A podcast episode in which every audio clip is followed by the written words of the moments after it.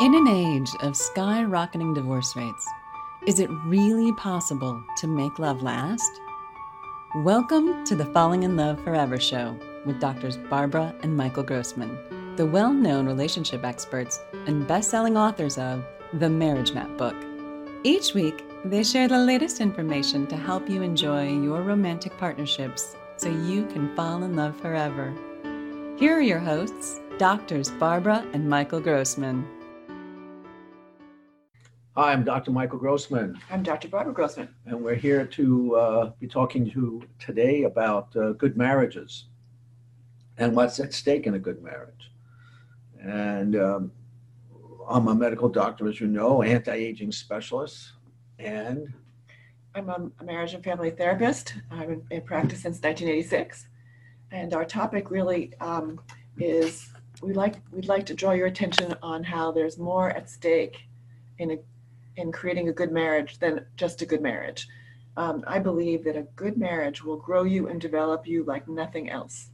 I just finished talking to a couple about how valuable it is to learn how to um, understand yourself, understand what's under inevitable resentments in life, how to express your hurts, how to understand that what bothers you represents an unexpressed need or desire that you can make requests about.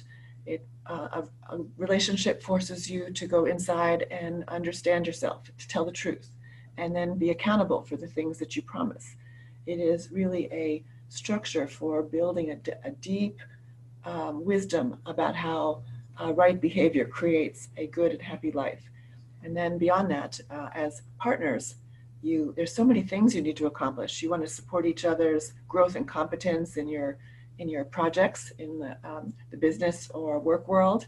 You also need to learn how to partner in parenting, which means you need to learn to uh, work together, be on the same page, have a, a structure of, of rules and chores and general family routines so that uh, you're working together to create order in your house. You teach your children order, and it keeps stress low. It allows for deeper connection in, among your among your family. There's just so many things that um, you need to learn. And I tell parents all the time that when you become parents, after the infant stage is over, to create a structure in the house, it's the, the learning curve is, is equivalent to getting an MBA because you become managers of your household.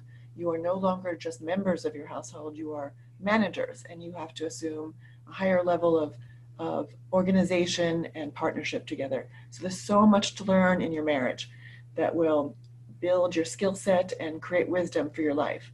And so I heartily encourage all of you out there to invest in learning what you need to learn to build a great marriage. so what happens in a good marriage is that it's not just about being happy. Being happy is sort of like a side effect that may occur some of the time, but there's a process of growing in wisdom, growing in your own individual development as a human being to become, as Dr. Barbara says, more competent. But also, you you have a bigger experience of being a human being. It's it's like the difference from from being a 10 year old to being a teenager is a big difference. It's not just about being happy to come from a 10 year old being a teenager. You're learning a whole new way of being in the world. Being a teenager compared to being a 20 to 30 year old is very different. And it's not just about being happy, but it's about growing in certain ways. And as you grow into your 40s and 50s, there's so much growth that's there. And it's hard to measure that growth. It- It's not about being happy.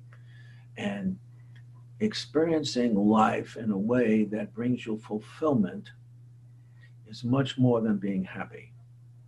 Happiness is a side effect of really appreciating your life. And, and we encourage each of you to be focused on growing and developing yourself, developing your skills, developing your ability to see the big picture of what life is. And we all want to accomplish and achieve a lot of things in our life. And accomplishment brings a deep fulfillment, much deeper than just being happy. And so we encourage you to take our courses and classes, which teach you the skills that you need to be able to develop yourself. And our courses and classes are available online. Go to themarriagemap.com. You can get information. You can go to fallinginlovesecrets.com and get uh, our information about our classes.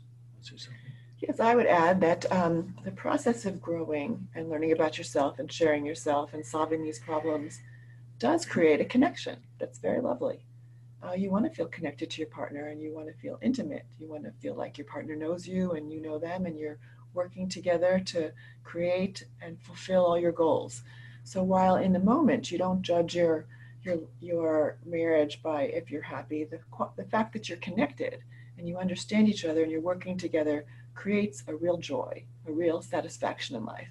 And I encourage you to seek that and uh, learn the skills that produce that. We believe we teach that. So you're welcome to to connect with us and um, uh, and uh, join us in our courses and uh, read our book, The Marriage Map, and um, grow your life. We want um, all couples and families to stay connected and grow together and enjoy the a meaningful life.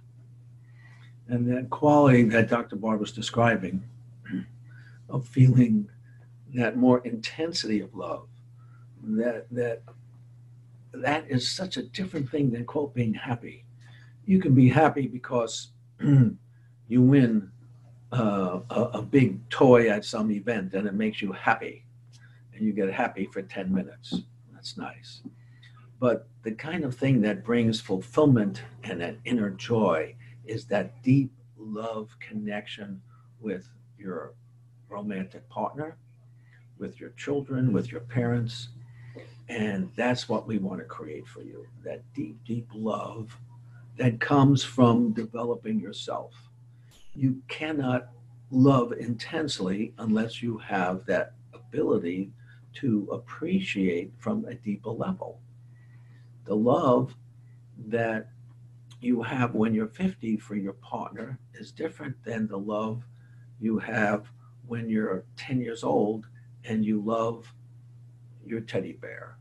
It's not the same thing. So we want the deeper love for you. And it takes work to get there. It does. And we want you to put that work in. So come and join us, take some of our classes, read our book, The Marriage Map, um, uh, uh, which is available online. You can get it from our website, themarriagemap.com. And we look forward to speaking to you again next week. Thanks so much. Wishing you love. Thank you. Thank you for watching the Falling in Love Forever show with doctors Barbara and Michael Grossman. Join us next week for another informative discussion to help you keep your love alive.